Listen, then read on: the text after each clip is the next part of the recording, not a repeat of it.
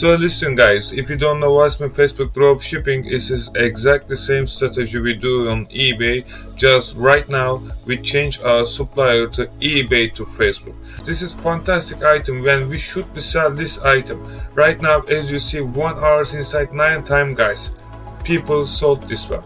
After that you should be list on Facebook Marketplace right now. I'm gonna use our extension as I told you this week